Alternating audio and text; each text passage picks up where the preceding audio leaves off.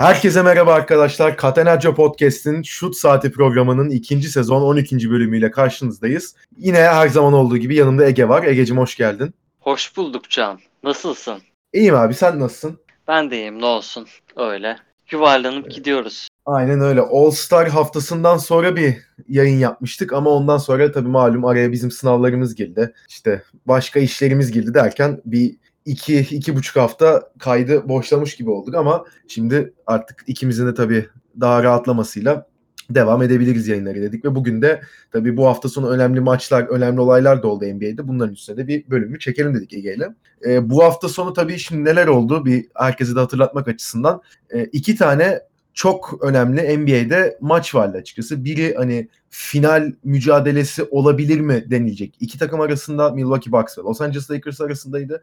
Diğeri de Batı konferansında en e, önemli iki favori olarak gözüken e, Los Angeles Lakers ve Los Angeles Clippers arasındaydı. Ve tabii bu maçlar öncesinde açıkçası rakiplerden çok Los Angeles Lakers'ın ne yapacağı merak ediliyordu. Çünkü bu maçlar öncesinde e, Milwaukee'ye kaybetmişlerdi. Sezonunda oynadık, kendi aralarında oynadıkları ilk maçta. Clippers'a iki defa kaybetmişlerdi. Ve bundan önce hatta e, işin içine Philadelphia'yı katarsak onlara da kaybetmişlerdi. Geçen hafta içinde Philadelphia'yı da yendi Lakers. Açıkçası rahat bir şekilde yendi ama Philadelphia'da tabii Ben Simmons'ın ve e, Joel Embiid'in de oynamadığını söylememiz gerekiyor. Yani en önemli iki oyuncusundan yoksunu Philadelphia. Zaten bu arada çok iyi gitmiyorlar. Onlara da bir ara değiniriz muhtemelen zaten ama ya açıkçası en önemli iki gösterge maç olarak bu Bucks ve Clippers maçları gözüküyordu Los Angeles adına. Ve ikisini de kazanarak bu haftanın herhalde e, kazananı oldu desek Lakers için çok büyütmüş olmayız meseleyi diye düşünüyorum. Playoff öncesi de tüm lige bir mesaj da vermiş oldular.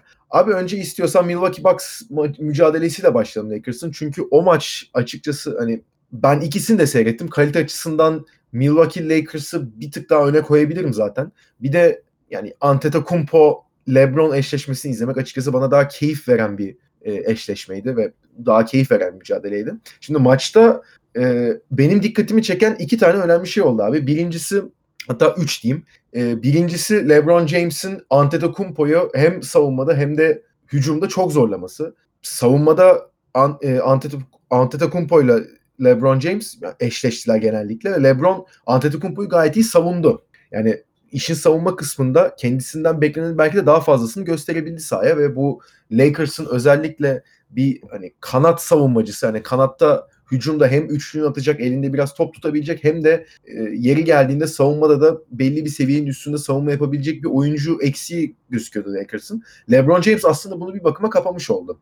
Birinci bence dikkat edilmesi gereken nokta buydu. İkincisi e, Anthony Davis'in LeBron'un yanında nasıl bir performansa çıkabileceği hep konuşuldu. Tabii sezon içinde gördük ama hani bu tarz playoff atmosferinde oynanan maçlarda Anthony Davis'in ne seviyede olabileceğini daha açıkçası çok da görememiştik. E, gördüğümüz kısımlarda da hani tam LeBron'un yanındaki ikinci yıldız olur mu olmaz mı biraz da soru işaretleri açıkçası barındıran performansları da vardı ama e, özellikle iki maçta da Anthony Davis'ten olağanüstü katkı aldı Lakers diyebiliriz ki Milwaukee maçında 30 sayı 9 reboundla bitirdi. LeBron James de o maçı bu arada 37 sayı 8 rebound 8 asistle bitirdi. Hani hakikaten çok iyi oynadı. Üçüncü konuda bence bahsedilmesi gereken Milwaukee'nin rakiplerinin bu sene Milwaukee'ye karşı kazanırken yani Milwaukee'nin şu anlık 10 mağlubiyeti var yanlış hatırlamıyorsam ve e, 12 pardon. Milwaukee'nin rakipleri Milwaukee'ye karşı kazanırken hep çok iyi şut attılar. Bu da Milwaukee Bucks'ın savunma düzeninden kaynaklı bir şey. Yani Milwaukee Bucks'ın savunma düzeninde genelde o bir kişiye boş şutu veriyorlar. Tamam atsın biz içeri sokmayalım hiçbir şekilde. Hani o şekilde bir rotasyon kullanıyorlar. Ve bu sayede de eğer karşı takım günündeyse ve hatta gününden de iyiyse şutlarının özellikle üçlüklerini belli bir yüzeyin üstüne sokunca başa baş gidip veya maçı koparabiliyorlar. Şimdi Lakers bu maçta bakarsak 32'de 6 üçlük attı. Yani %18.8'lik bir üçlük yüzdesi var. Ama buna rağmen içeriği zorlayarak e, serbest atışları değerlendirerek LeBron James %80 ile attı 15'te 12 ile. Anthony Davis 11'de 10 ile %91 ile attı. Ve takım halinde de 38'de 31 ile iç, e, serbest atış çizgisinden %82'lik bir e, rakama ulaştılar. %42 ile de sağ içi isabetiyle bitirdiler. Sence hani e, bunların ışığında değerlendirmek doğru mu? Lakers en çok neleri doğru yaptı sence bunları da göz önünde bulun? Ya ilk önce şunu belirtmek lazım. Birçok eleştiren insan Lakers'ı onların büyük takımlara karşı çok galibiyetlerinin olmadığı, daha çok kötü takımları istikrarlı bir şekilde yenerek bu konuma geldiklerini söylüyorlardı. Ama bu hafta sonundan sonra gördük ki böyle bir durum yokmuş. En büyük iki rakibini arda arda mağlup etti. Şimdi Can sen çok iyi özetledin Milwaukee maçını zaten. Hani genel olarak e, Lakers'la Bucks aynen dediğin gibi hani Lakers kötü üçlük attı ve genel olarak hani iki yıldızının dışında çok önemli katkı almadılar başka oyuncu. Yani zaten 113 sayının 67'si Davis'le LeBron'du. Ve kalanlarda da sadece 11 sayı atan Kuzma var. Onun dışında çift tanelerde yok kimse. Bucks'ta da aynı şekilde Yanis e, istatistiksel olarak hani klasik maçlarından birini çıkardı. Ama Middleton çok çok zorlandı. Bledsoe çok iyi bir maç geçirmedi. Ve hani bunların ışığında Bucks'ın Yanis harici parçalarının çok iyi işlememesi onun aslında tek yıldız olarak bu tarz bir riske ne kadar sık girebileceğini gösterdi bence. Çünkü yanındaki oyuncular özellikle playoff ortamlarında genelde daha kötü oynuyorlardı. Ve geçen senelerden de hatırlayabiliriz. Bledsoe özellikle ve Brook Lopez playofflarda çok e, normal sezona göre daha düşük bir performans göstermişlerdi. Lakers'da ise e, bu iki maçta benim dikkatimi çeken bir olay Dwight Howard ve McKee ikilisi sezon başına göre beraber sezon başından beri aldıkları dakika sayısı bayağı azalmaya başladı. Özellikle e, Howard'ı Clippers maçında da az oynattı. Bucks maçında da. Javel de hani 20 dakikanın üstünü pek görmüyor zaten. Ve Markieff Morris'in gelmesiyle birlikte Lakers'da Davis'i daha çok 5'te oynatıp işte ya Markieff Morris ya Kuzma e, ve işte Casey Bradley ve Rondo'yu da guardlarda oynatarak öyle bir yeni bir düzen kurdular. İşte bu Bucks maçı böyleydi yaklaşık olarak. Şimdi Can hani iki gün sonra Clippers maçı oldu. Bu Clippers maçına da insanlar baya bir anlam yüklediler. Çünkü hani bir senenin ilk maçın karşılaşmıştı Lakers Clippers. Onu da saymamak lazım. Çünkü hem işte Clippers'da George oynamamıştı hem iki takımda daha tarzlarını yeni yeni buldulardı. İşte bu Morris hamleleri, iki takımın Morris'leri alması ve işte Jackson'ın gelmesi, Clippers'ın neredeyse tam kadro olması bu maçı hani ilk ciddi eşleşmeleri olarak ön plana çıkardı. Ve Can hani senin bu maça yorumun nedir? Yani çok bence heyecan verici bir maçtı ve sonuç olarak normal sezon maçına çok ekstra değer koymamak lazım. Ama en azından eğer Clippers kazansaydı 3-0 yapmış olacaklardı ve insanların kafasında hani Lakers Clippers'ı daha normal sezonda yenemedi. Nasıl playoff'ta yenecekler? Daha konsantreyken onlar ve işte Kavay'ın daha yüksek bir seviyede oynadığı zaman nasıl yenecekler diye böyle bir düşünceyi biraz ortadan kaldırmış oldu bu galibiyet Lakers için ama sen ne düşünüyorsun genel olarak bu maçla ilgili? Abi bu maçta da açıkçası hani LeBron James tabii ki çok ön plana çıktı iki maçta da ama demin de dediğim gibi Anthony Davis'in performansı da bence belirleyici faktörlerden biri oldu burada zaten. Lakers'ın bence en büyük kazançlarından biri de buydu ki e, Clippers maçında Anthony Davis'in 30 sayıyla oynadığını görüyoruz ama bir üçüncü periyot oynadı. Yani çok iyi oynadı ve hani çok rahatlatabiliyor takımın. Hani onu gösterebilmesi bence e, çok önemli noktalardan biriydi. Ve hani burada senin dediğin Anthony de ya şey Javel McGee ve Dwight Howard'ın ikisinin total dakikalarının azalması, Davis'in daha 5 numara gibi değil direkt 5 numara oynaması maçın çoğunluğunda. Özellikle de Clippers maçında bence Lakers'ın oyununu ve hani sahaya yayılımını çok pozitif etkileyen şeyler ve bunda ya bunu Frank Vogel tabii ki biliyordur ama bu biraz oyuncunun da tercihiyle alakalı bir şey. Yani bunu mesela Porzingis'te de görüyoruz. Yani Davis de yapıyor bunu. Hani daha farklı stilde uzunlar oldukları için hani ne kadar fiziksel anomali de olsalar 4 numara oynamak istiyorlar. Ama işte Davis'i öyle çaktırmadan bir şekilde 5'e iteleyince Davis'in ne kadar farklı bir oyuncu olduğu ve ne kadar saha içinde de fark yaratabileceğini aslında görebiliyoruz burada. Ve hani bunu bence Lakers e, çok iyi kullandı. Yani mesela bu maçta da şimdi demin Milwaukee maçı için söyledim.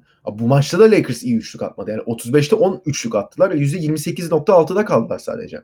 Ama serbest atış çizgisinden 28'de 24 attılar. Bunların da büyük çoğunluğunu zaten hani bu 28 serbest atışın 22'sini LeBron'la Davis kullanmış zaten. Şimdi hani Davis zaten geliyor %87.5'la 90'la atıyor. LeBron da kendisinin üzerindeki yük biraz kalkınca yani sahada kendisini o kadar yormasına gerek kalmayınca free throw'larında da yani yüzdesinin özellikle arttığını görüyoruz. O da %86 ile bitirdi. Ve hani Davis olduğu zaman içeride sonuçta Davis gibi bir azman bekliyorken Le- sahaya yayılım da daha hani spacing'i daha iyi yapabildiği için Lakers LeBron da burada topu getiren ve oyunu kuracak oyuncu olarak bence daha rahatlıyor.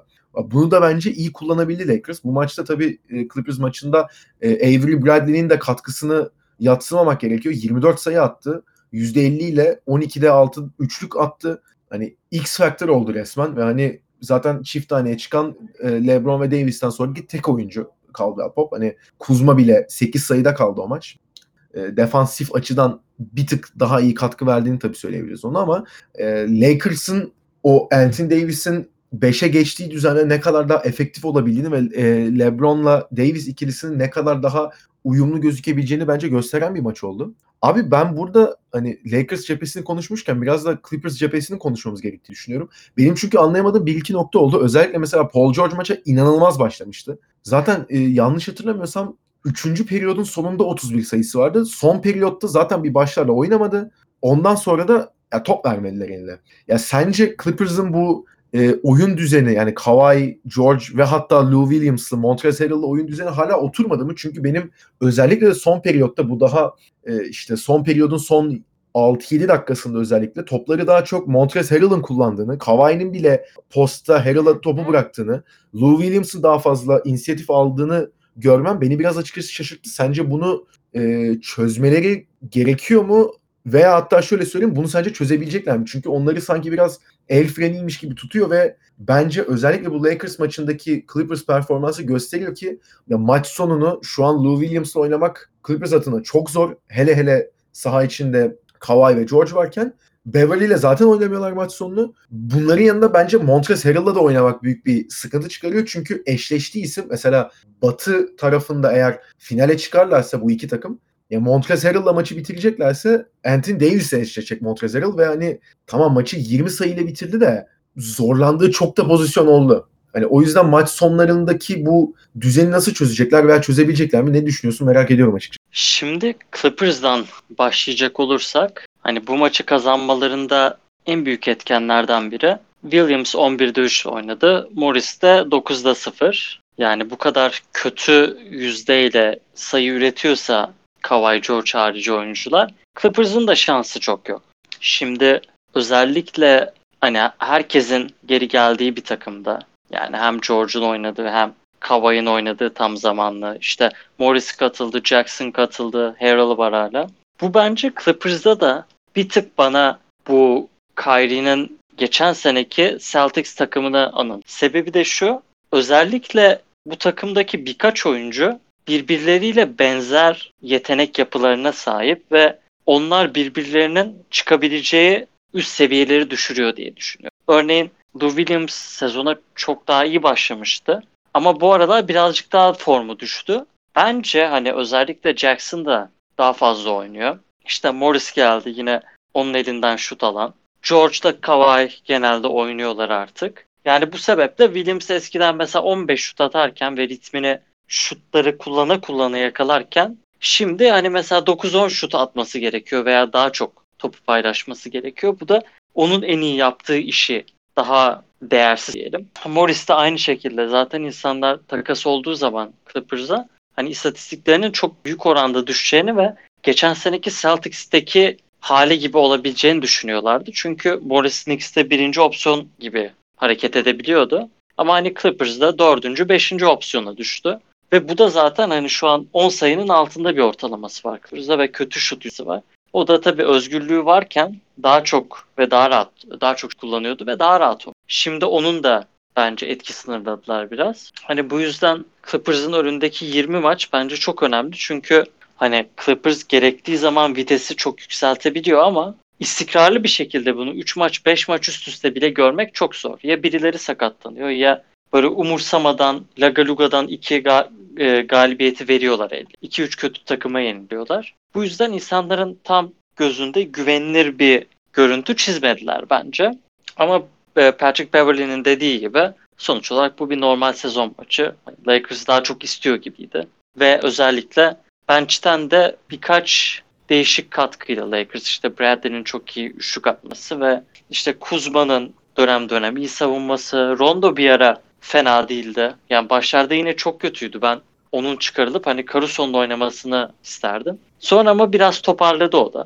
Caruso zaten enerjisi yüksekti de onu da az oynadı Frank Vogel.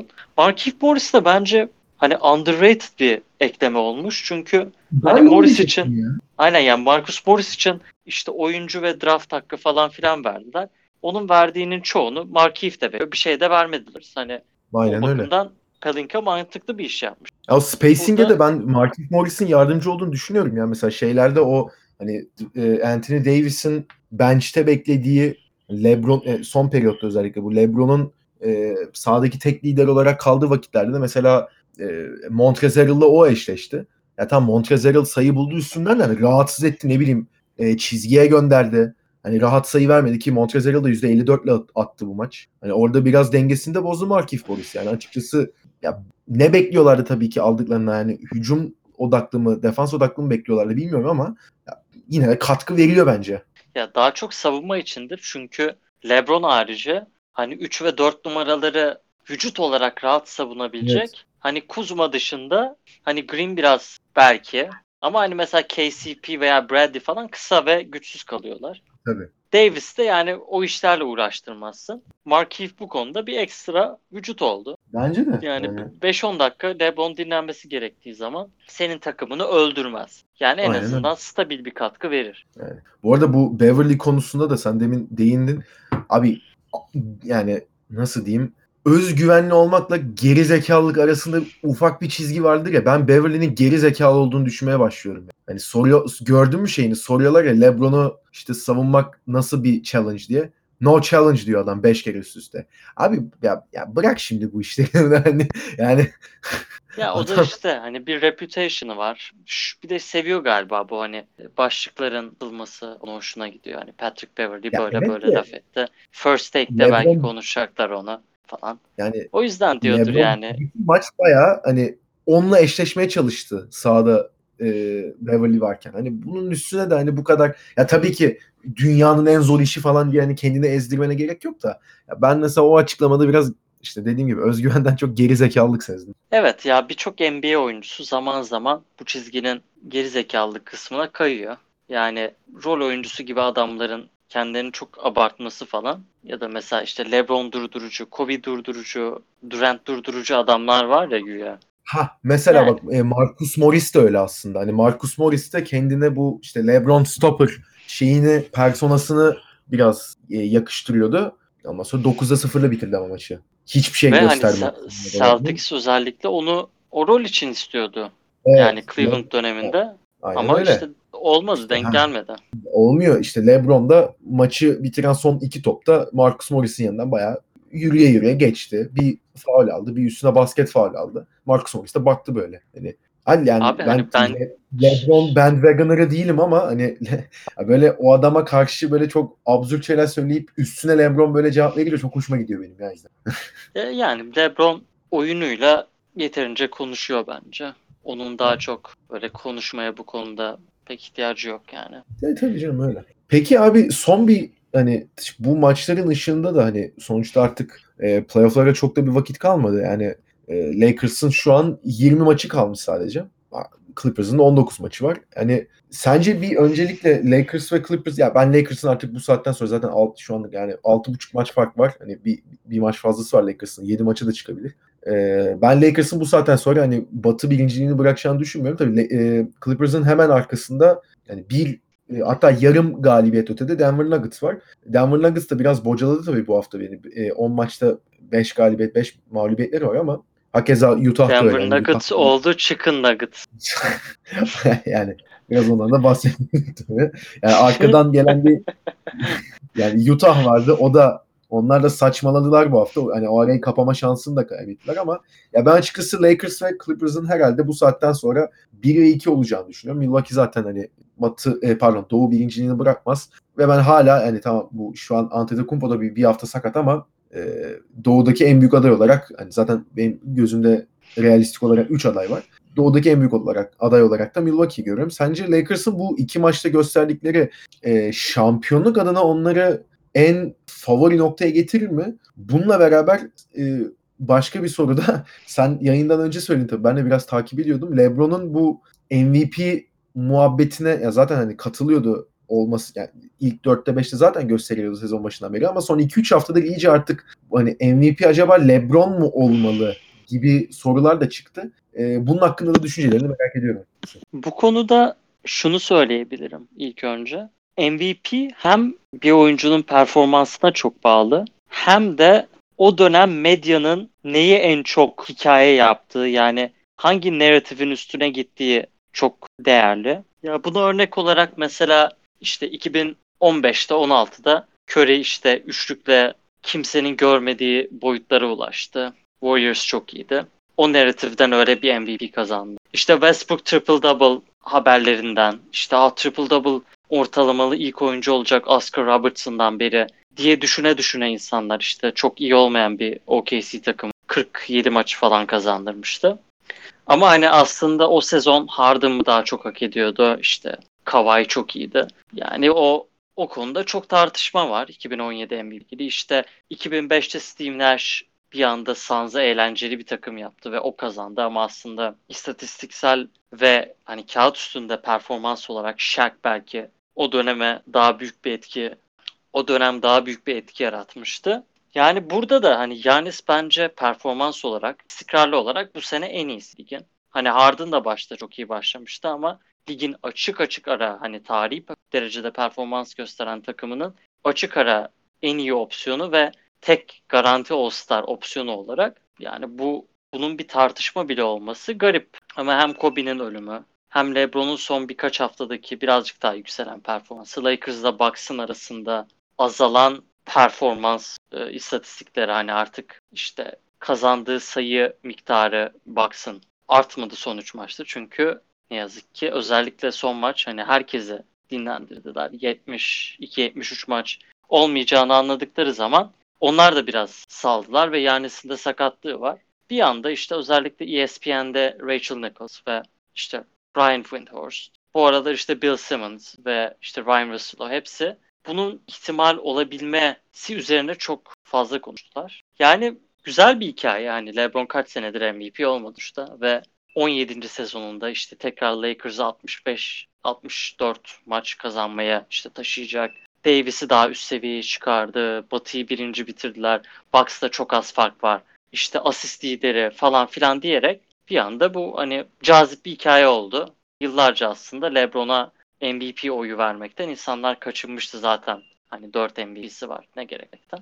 Yani o yüzden hani medya bu hikayeyi yükseltti, yüceltti bayağı ama ben Yanis'in hala önemli bir farkla MVP'nin en güçlü adayı olduğunu düşünüyorum. Sen ne düşünüyorsun Can? Hani Yanis e, birçok insan için çok net MVP. Sen de bu tarz düşünenlerden misin? Ya ben de o tarz düşünenlerdenim. Yani hani LeBron'un bu sezon gösterdiği performans tabii ki yani gayet takdire şayan. Çok iyi oynuyor. Hani e, geçen seneden sonra özellikle yani kendine ne kadar iyi baktı da belli. E, takımının hani zaten hani takımının bir numaralı opsiyon demek farklı ama hani takımını ne kadar yukarı çekebildiğini de görüyoruz. Hani istatistiklere bakacak olursak işte 25.7 sayı, 7.8 rebound, 10.6 asist. Hani çok e, efektif oynuyor. 3 sayı %35 ile atıyor. Gayet iyi atıyor. Geçen sene göre de yükseltmiş durumda.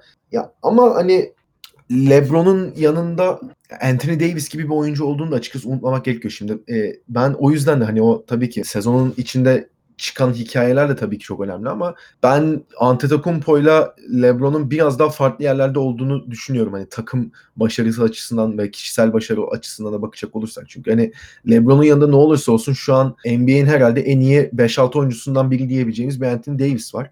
Yanis'in yanında ise şu an hani ikinci adam olarak baktığımız zaman bir Chris Middleton var ve hani Chris Middleton da hani All Star evet ama yani mesela Batı'da olsa All-Star seçilir miydi? Çok muamma. Mesela önemli maçta demin de konuştuk zaten Lakers maçında 19'da 5 ile atıp sadece 12 sayıyla terk edebiliyor maçı. Ya bununla beraber Yannis'in zaten sezon istatistikleri hani 30 sayı 14 rebound, 6 asist. E, bu sene üçlük atmaya başlaması, hani geçen sene 2.8 üçlük deniyorken bunu 5 üçlüğe çıkarması, neredeyse iki katına çıkarması, e, üçlüğünü %25'ten %31'e çıkarması. Yani bir tek baktığımız zaman sayılarına hani serbest atış çizgisinde bu sezon e, geçen seneye göre daha düşük atıyor. %64 atıyor ama ya o da kompanse edilebilecek bir şey. Ve hani şunu da unutmamak gerekiyor. E, LeBron bu sene maç başına 35 dakika oynarken yani sadece 30 dakika, 31 dakika oynuyor ve hatta e, bu istatistikleri yaptığı çoğu maçta da 25-26 dakikada 30 sayı, 12 rebound, 7 asist yapıp maçtan çıkıyordu. Çünkü hani öyle koparıyordu maçı Milwaukee ve ben genel olarak hani sezon genelinde Yannis'in açıkçası daha e, iyi bir performans verdiğini, LeBron'un her ne kadar son bir aydır, bir buçuk aydır özellikle de Kobe'nin e, vefatından sonra çok çok özel bir seviyeye çıkması. Hani mental açıdan da, oyun açısından da ne kadar önemli olsa da ben Yannis'in sezonun ilk gününden bu yana hani geçen sene MVP almış bir oyuncu bu sene MVP aldığı performansının da üstüne çıkıyorsa ya benim gözümde açıkçası o hak ediyordur. Hani tabii ki burada bütün oyları Yanis alsın e, hani unanimous MVP olsun demiyorum. LeBron bence ikinci bitirecek zaten şeyde. Harden'ı konuşuyorduk çok önceden ama hani Harden iki aydır özellikle hani yoruldu mu ne oldu bilmiyorum. Houston biraz tabii Westbrook'un takımına da dönüşmüş durumda. Abi ona kısaca yani şu an James Softon diyebiliriz. Abi hakikaten yani hani bu şakaya gülemeyeceğim bile çünkü hakikaten o duruma düşmüş durumda.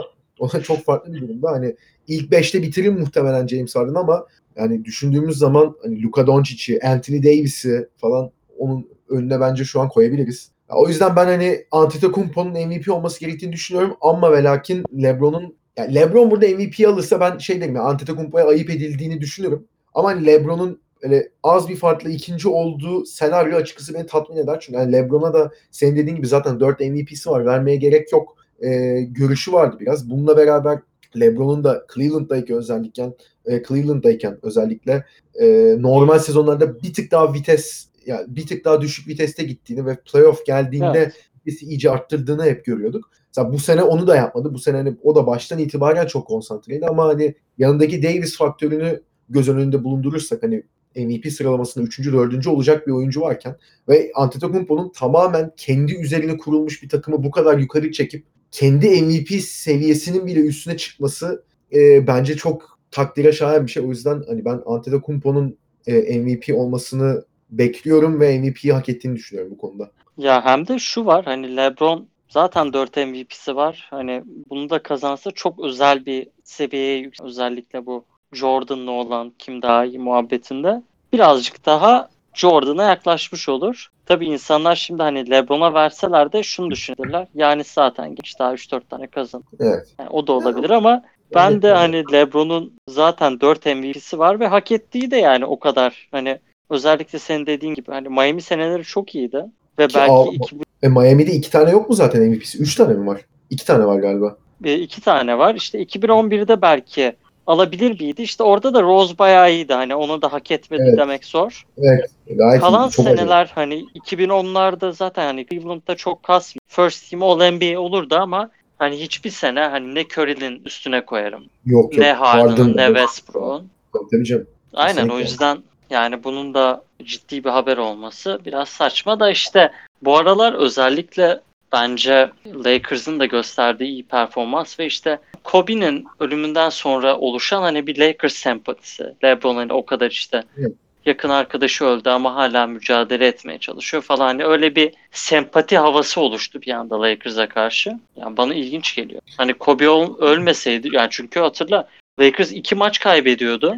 Mesela o Kasım'da işte çok iyi başlamışlardı. Aralıkta mı kötülerdi bir ara? Sanki bir anda evet. işte Lakers balonu patladı işte. Evet. O belliydi zaten. ESPN sene başında 5. bitirmesini bekliyor falan. Yani hep böyle negatif bir şey varken bir anda şimdi böyle politically correct olan hamle Lakers ve LeBron'u savunmak oldu. Hani evet. iyi yani. Aynen işte böyle onlara işte merhamet edip Aa, LeBron da zaten çok iyi oynuyor. Bir tane daha verin. Ya LeBron hak ediyor ya yani şeyi de düşünürsen mesela şu an şampiyon olursa Lakers bu sezonun sonunda iyice artık bu hikaye şey olacak ve hani bayağı bu ESPN'de senin dediğin gibi 5. gösterenler hani bu e, Kobe Bryant'ın ölümünden sonra Lakers'ın şampiyonluğunun ne kadar anlamlı olduğunu, ne kadar işte e, historik bir olay olduğunu ve e, böyle hani filmlere bile konu olabilecek bir e, seviyede olduğunu anlatacaklar yani. O yüzden hani medya bu tarz hikayeleri sevdiği için ben çok E, tabii canım. anormal karşılamıyorum. Yani he was just a kid from Akron, Ohio.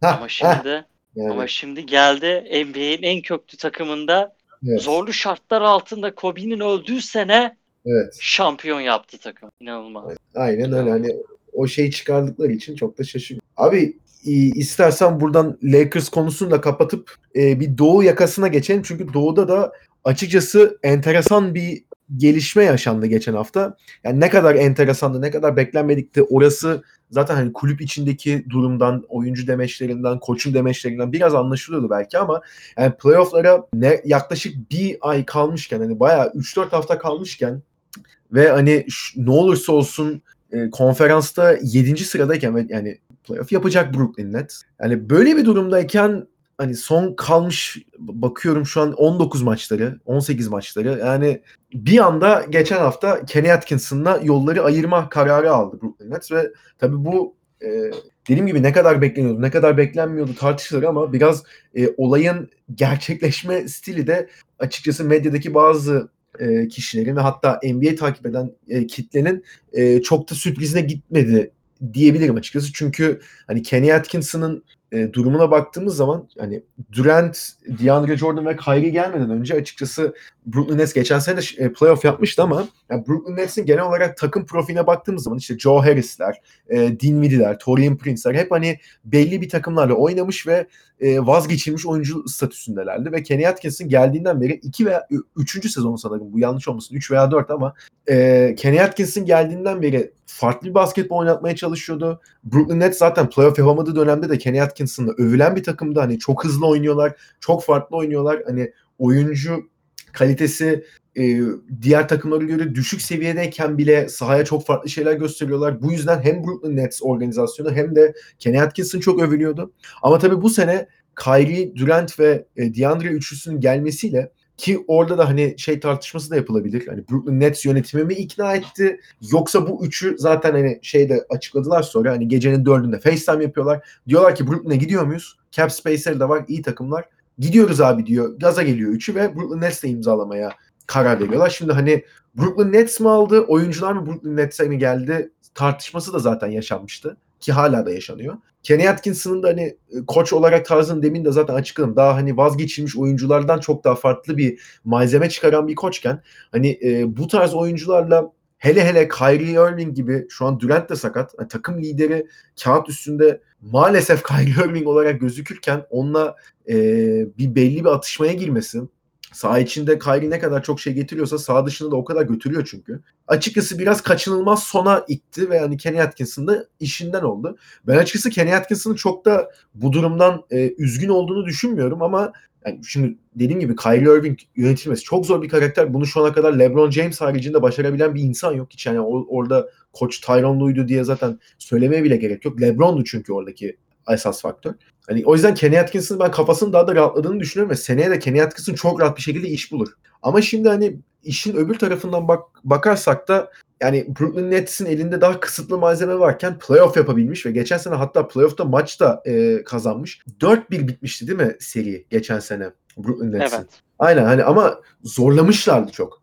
Yani orada bile hani o kısıtlı kadroyla ya kısıtlıdan kastım hani yetenek seviyesi görece daha düşük bir kadroyla playoff'ta bile maç kazanabileceğini gösteren bir koça ne olursa olsun bence hani Durant'in de seneye sağlıklı döndüğü bir ortamda bir bence bir şans verilmeliydi. Hani burada Brooklyn Nets yönetimi açıkçası benim e, gözümde yani Kyrie Irving'i ve Durant'i dinledi ve ona göre hareket etti gibime geliyor ki e, birkaç haberle çıktı hani Kyrie Irving'in favori koç adayı şu an Tyronn Lue diye. Yani hiç de şaşırmadım. Ama yani e, hani Doğu'nun San Antonio'su mu olacaklar acaba şeklinde yorumlar yapılan bir takımın bir anda hani böyle hamleler yapıp üstüne de Kenny Atkinson'ı konması ya, bence bir tık yazık oldu ve hani zaten ben hani Kyrie Irving'in başrolde olduğu bir takımın yanında LeBron James yoksa şampiyonluk adayı ne kadar olur ne kadar olmaz hani kafamda soru işaretleri vardı. Bu hamleden sonra da hani Kyrie Irving'in zaten yönetilemeyeceğini düşünüyordum. İyice artık benim gözümde kanıtlanmış da oldu. Bu arada Kenny Atkinson'ın gittiği ilk maçtan so yani Kenny Atkinson gittikten sonraki ilk maçta da yani DeAndre Jordan ilk beşe girdi Jared Allen yerine. Hani bu muydu abi sorun yani? yani Jared Allen yere düşsün DeAndre Jordan oynasın mıydı sorun? Yani enteresan bir yola soktu yine Brooklyn Nets kendine. Kyrie de sağ olsun bize konuşmak için malzeme vermekten kaçınmıyor yani. Abi yani orada birkaç faktör faktör var bence. Birincisi Nets'in yeni bir takım sahibi var ve o da hani kendi vizyonu çerçevesinde eski yönetimin yaptığı bazı şeyleri değiştirmek istemiş olabilir. İkincisi ve daha önemlisi hani çıkan haberlerde genel olarak söylenen şey Atkinson soyunma odasını kaybetmişti. Özellikle ana figürlerin çoğuyla hani eskisi kadar iyi anlaşamıyordu. Bu hem hani Kyrie çok herhalde tatmin olmamış. Durant'ın çok bir alakası yokmuş ama hani Dinwiddie falan bile çok tercih etmiyormuş artık onu. Ve geçen seneki soyunma odasını daha iyi bir hale getiren işte DeMar Carroll, Rondae Hollis Jefferson, Ed Davis falan gittiği için de yeni gelenler o geçen seneki dengeyi koruyamadılar. Dediğinde haklısın bence. Atkinson seneye kesin başka bir takım tarafından alınacaktır. Ama burada önemli olan bence hani Atkinson'a şans verilip verilmesinden ziyade Nets'in şu an bulunduğu o hani bu senenin başında o kadar optimistik bir hava varken şu an biraz karamsar bir hava var. Ve Nets hani tam sırf Kyrie ile çok ileri gideceklerini düşünmüyorlardı ama Kyrie çoğunda oynayamadı. İşte Durant yoktu ve Nets bence beklediği gelişimi de alamadı birçok oyuncudan. Hani Lavert dönem dönem çok iyi işte 51 sayı aldı. İşte Dinwiddie iyi oynadı aslında Kyrie yokken ama sonra onda performans düştü. Allen çok fazla gelişmedi. Diğer genç oyuncular çok fazla gelişmedi. Orada bir panik hali de var. Bence biliyorlar ki seneye çok önemli bir sene Nets için. Ve eğer Kyrie ve KD deneyi işe yaramazsa çok hani yıllarca kurtulamayacakları kadar çok kötü bir duruma düşmüş olacaklar. O yüzden hani Durant ve Kyrie de özellikle hani Kenny olmazsa biz işte asla oynayamayız falan dememişler. Yani nötr kalmışlar en iyi ihtimalle. O yüzden Atkinson gitti. Bakalım şimdi hani bundan sonra özellikle genç çok fazla asset olmayan ve gelişmek isteyen takımlardan biri onu kesin istiyordur. Yani hiç yoktan işte birçok iyi genç oyuncuyu parlattı Nets'te. Russell'ı All-Star yaptı. Şimdi de yani mesela Cleveland gibi bir takımda örneğin Sexton'da Garland'ı geliştirebilir veya işte Knicks'e gidebilir. Yaşadığı yeri de değiştirmesine gerek olmaz. Yani Atkinson'ın gidişi hani yine oyuncuların gücünü gösteriyor bence burada. Bir de hani Kyrie'nin artık bu işte takımları bozan oyuncu etiketinin gittikçe hani hak edilerek yapıştırıldığını görüyoruz bence. Ya öyle zaten abi bir de Boston'dan ayrılışı da hani bunu zaten daha önce de konuşmuştuk hani geçen sene Ekim ayı mıydı Kasım ayı mıydı ne işte hani ben seneye de buradayım diye eline mikrofon alıp konuşmuştu Garden'da yani. Sonra ondan sonra gitti tabii. Hani ve gittikten sonra Boston'ın geldiği yerde gördük abi hani Tatum ve Brown'un bu kadar üst seviyeye çıkması hani yanlarında e, Kemba Walker gibi bir oyuncuyla bu seviyeye ulaşmaları takımın da e, böyle bir durumda ivme kazanması Kyrie gittikten sonra tesadüf değil yani benim gözümde. Abi bir senesini çöp etti heriflerin. Yani hem Celtics'in hem de Tatum, Brown, Hayward onların. Yani, Ve yani Kyrie... şeyi düşünürsen heh, Evet devam et devam et. Ha yok yani şeyi düşünürsen hani çok ufak araya girdim de e, abi Kyrie Boston'a geldiği ilk sezon zaten iki sezon kaldı da ilk sezonda zaten sakattı.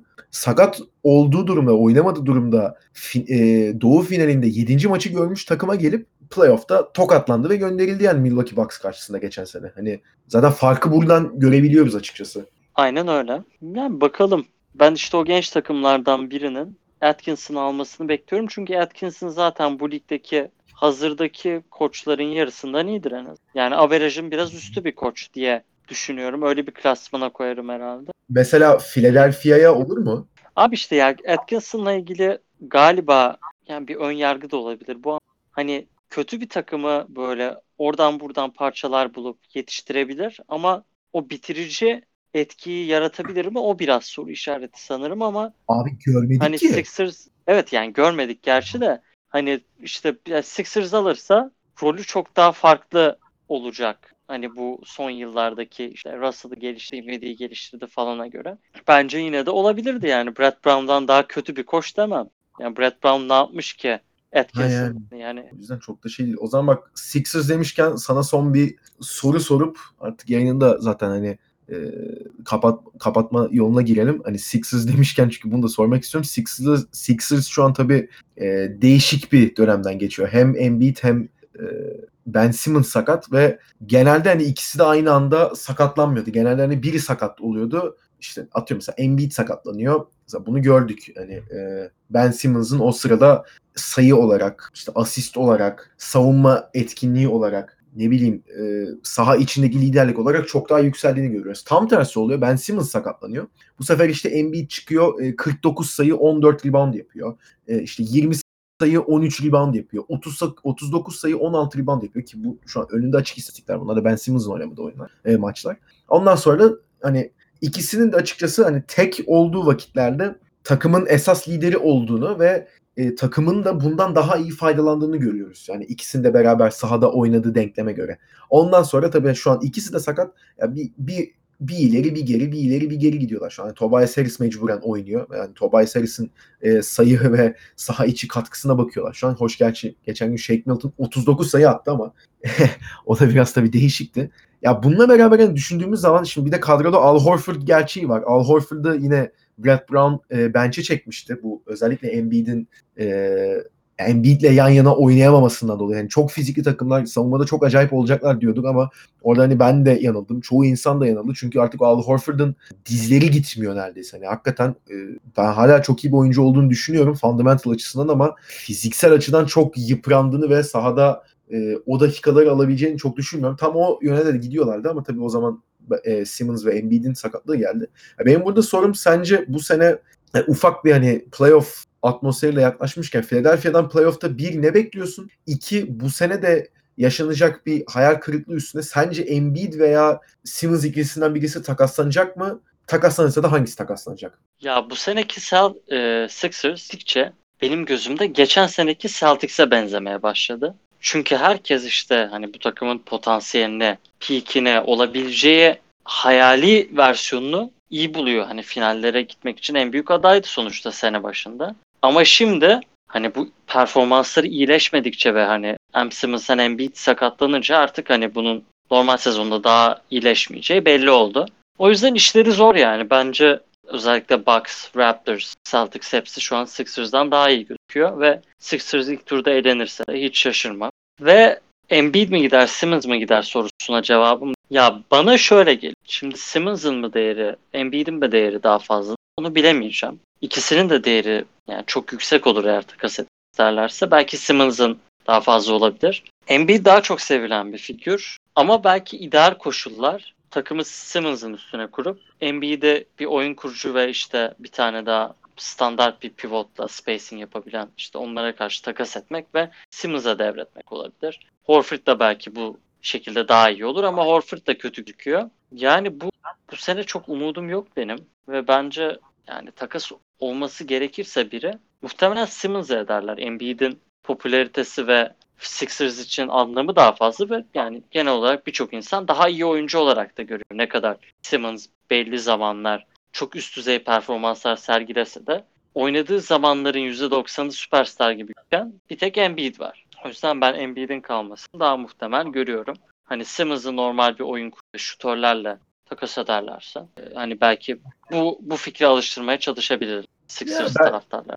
Belki de ama ben hani açıkçası orada hani sana bu arada dediğine katılıyorum tamamen. Yani Embiid daha popüler, daha çok sevilen işte o hani trust the process şeyini getiren o hani o Philadelphia takımına genel bir kimlik kazandıranın da açıkçası ben hani Embiid olduğunu düşünüyorum ama yani bence Embiid'i yollayıp Simmons'a devam etmek benim gözümde sanki daha ideal senaryoymuş gibi geliyor. Evet Embiid'in de hani e, Simmons'ın olmadığı maçlarda hani ne kadar demin de za- zaten istatistiklerini saydım hani ne kadar e, yırtıcı bir skorere dönüşebileceğini savunmada da bu arada hani ne kadar büyük katkı verebileceğini tabii ki e, konsantre olduğu zaman biliyoruz ama yani bilmiyorum ya ben özellikle bu bu sene bir işte izlediğim Embiid'in olmadığı bir e, işte Brooklyn Nets'e karşı bir maç oynamıştı Philadelphia.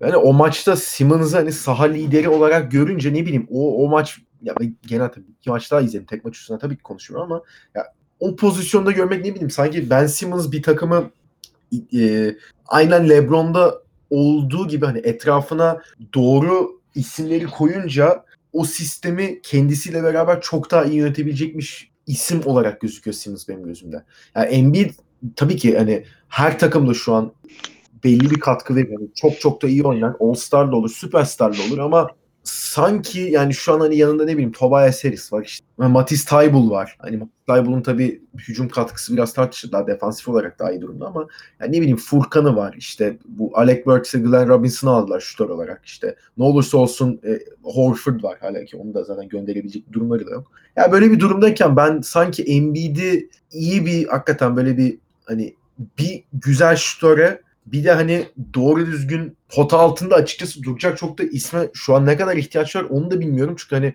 Horford'dan iki sezon daha bir şey çıkabileceğini bilseler, garanti etseler hani Horford'u 5'e işte Simmons'ı 4'e veya 1'e neyse işte Harris'i 3'e koyarlar veya işte Simmons'ı 1'e çektikleri denklemde Harris'i 4'e atarlar. Hani öyle takım içinden de onu halledebilirler ama hani iki tane ortalama üstü şutör karşılığında ve belli pikler karşılığında Embiid'i yollasalar sanki bana daha iyi olurmuş gibime geliyor ama ya ben de senin baktığın açıdan baktığım zaman Simmons'ı yollamalarını daha olası görüyorum ya bu denklemde. Aynen. İki tane daha can küçük haber var konuşabilir. Yani aslında çok da küçük değil ama üstünden geçelim bence. Spike Lee. birincisi yok ya bence magazin çok gerek yok. Ee, JB, JB Bickerstaff Cavs'ın yeni koçu Evet. oldu ve e, multi-year bir kontrat imzalamış. Yani bu sene ve gelecek senelerde JB Bickerstaff olacak koçu. Yani zaten hani J.B. Bickerstaff'ı konuşmuştuk burada ama hani birkaç yıl bilmiyorum ya hani Cleveland da bu arada bu ara fena gitmiyor. Son 10 maçta 5-5'ler. ama yani Evet. ya geçen yayın zaten bu All Star sonrası yaptığımız yayında da söylemiştim ben. Hani Cleveland'ın şu anki yönetim zihniyetiyle hani ne bileyim Popovich gelsin yardımcıları Brad Stevens'la işte kim olsun Eric Spoelstra olsun hani yine çok da bir yere varabileceğini düşünmüyorum ya hani bu yönetim kademesiyle. Ya ya JB Bickerstaff hakkında da yani bundan önce iki tane takım çalıştırdı gibi diyebiliriz. Evet. Ve ikisi de hani kötü durumlardı. Bir tanesi 2016 Houston. Hani Harden'ın tek kötü olduğu. Khloe Kardashian'la çıkıyor. şey o sene işte Kevin McHale kovuluyor falan. Harden falan Dwight Howard kötü oynuyorlardı o sene. Zar zor tam 41-41 bitirmişler. Bir de e, 2018-19 Memphis. Ya o da işte garip bir takımdı yani. İyi başlamışlardı da sonra işte Gasol'u gönderdi. Orada Jackson iyi oynadı. Biraz gelişti ama hani öyle ne iyi ne kötü bir yorum yapılabilir mi bilemeyeceğim. Şimdi yine garip bir duruma geldi JB Bickerstaff ama özellikle babası falan da bir. Bakalım. NBA'de bu olan bir şey. Ryan Saunders da yani babalarından da ötürü biraz bu noktalara geldiler ama bakalım nasıl olacak. Son olarak da yarın veya öbür gün NBA yönetimi ile takım sahipleri falan koronavirüsü ve NBA'ye etkisiyle ilgili bir toplantı yapacaklarmış. Burada işte Evet. maçların seyircisiz oynanma ihtimali görüşülecek sanırım. Çünkü birçok korona olan ülkede zaten spor müsabakaları iptal ediliyor ve muhtemelen NBA ve diğer Amerikan ligleri daha e, dikkatli olmak. Yani çok da açıkçası ben hani şimdi hani abartı demek bu iş artık hani abartı denecek noktayı geçti çünkü hani bugün ben de canlı canlı ofiste bu tarz bir şey yaşadığım için hani çok da bir şey diyemiyorum. Ama yani LeBron'un geçen hafta bir açıklaması vardı. Hani seyircisiz olmaz bu iş yani seyirci olmazsa ben oynamam diye de bugün sanırım takım antrenmanı Re.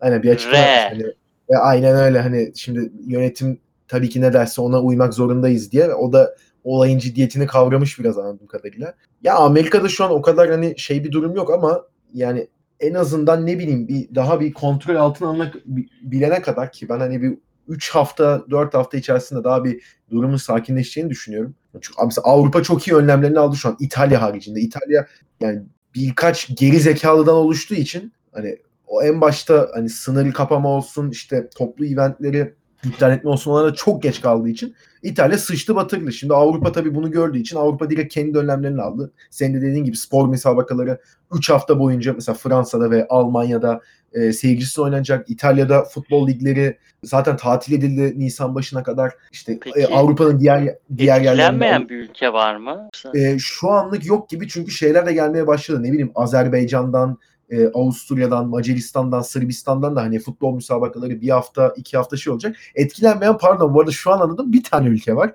Allah'ın işi yani. evet. yani Türkiye dünyanın en şanslı ülkesi. Tabii.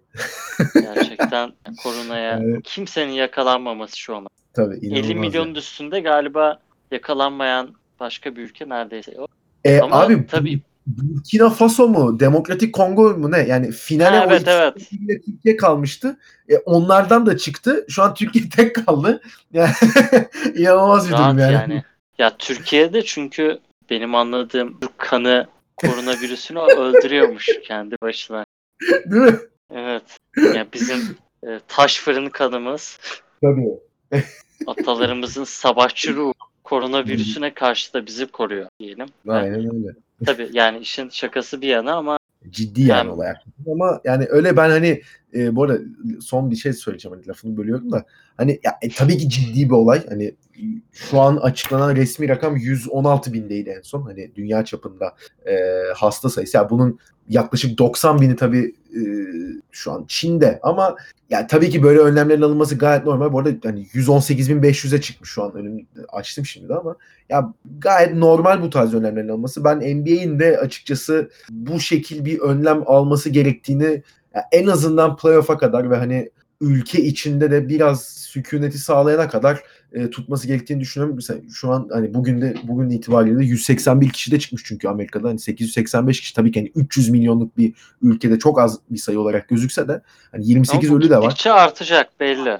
Ya tabii şimdi hani ne kadar artacak, hani ne kadar önüne geçilebilecek o belli değil. Belli de olmuyor yani. Almanya'da mesela bugün sabah baktığımda 56-57 kişi varken şu an mesela 234 kişi gösteriyor hani gün sonu rakamında. İtalya'da 1000 kişi de daha çıkmış. Bugün 10 bin barajını geçmişler. Yani şu an hani mesela Çin bunu şey yaptı. Hani durdurdu. Bugün Çin'de sadece 26 kişi de çıkmış. Yani Çin bunu yapabildiyse ki hani Çin'de 31 Aralık itibariyle çıkmıştı hastalık. Hani Çin bu yani yaklaşık 3 ay sonra bu seviyeye geldiyse hani sadece 3 haftadır e, Avrupa maruz kaldı bu duruma. Amerika'da geleli 1-2 hafta oldu yani. Onların da hani kontrol altına alması tabii ki Çin'e göre daha önce bir adım atıldı ama yani bu tarz önlemler yani spor müsabakaları işte toplu yapılan organizasyonların seyir, yani iptali veya seyircisiz yapılması şu an benim gözümde en mantıklı karar.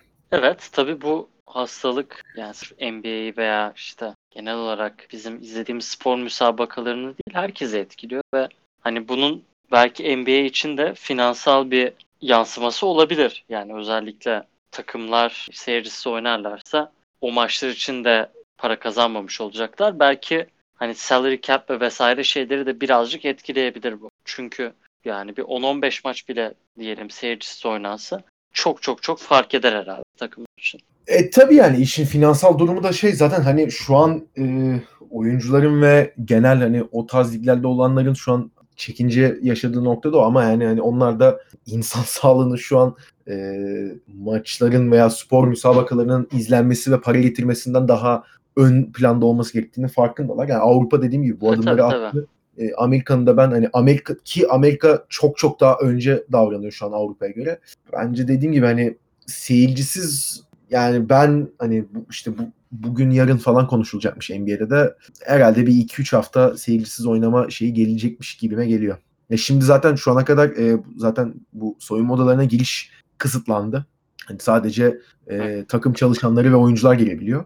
Ha belki hani yine bu tarz hani seyircisiz yapmazlar ama biraz daha sıkılaştırabilirler şeyleri bilmiyorum ama ben seyircisiz olması gerektiğini düşünüyorum şu an. Abi, Abi bununla konuş inşallah NBA bizi dinler konuda. E, Adam tabii, Silver NBA bak dinliyorsan Evet. dinliyorsan NBA'yi çözen adamlar biz. Ha, NBA'ye yön vermeye devam edeceğiz buradan. Bizi bizi dinlemeye Aynen. devam et. Bunu da demiş olarak bölümü de kapatalım. Ege'cim ağzına sağlık. Çok teşekkür ediyorum sana da.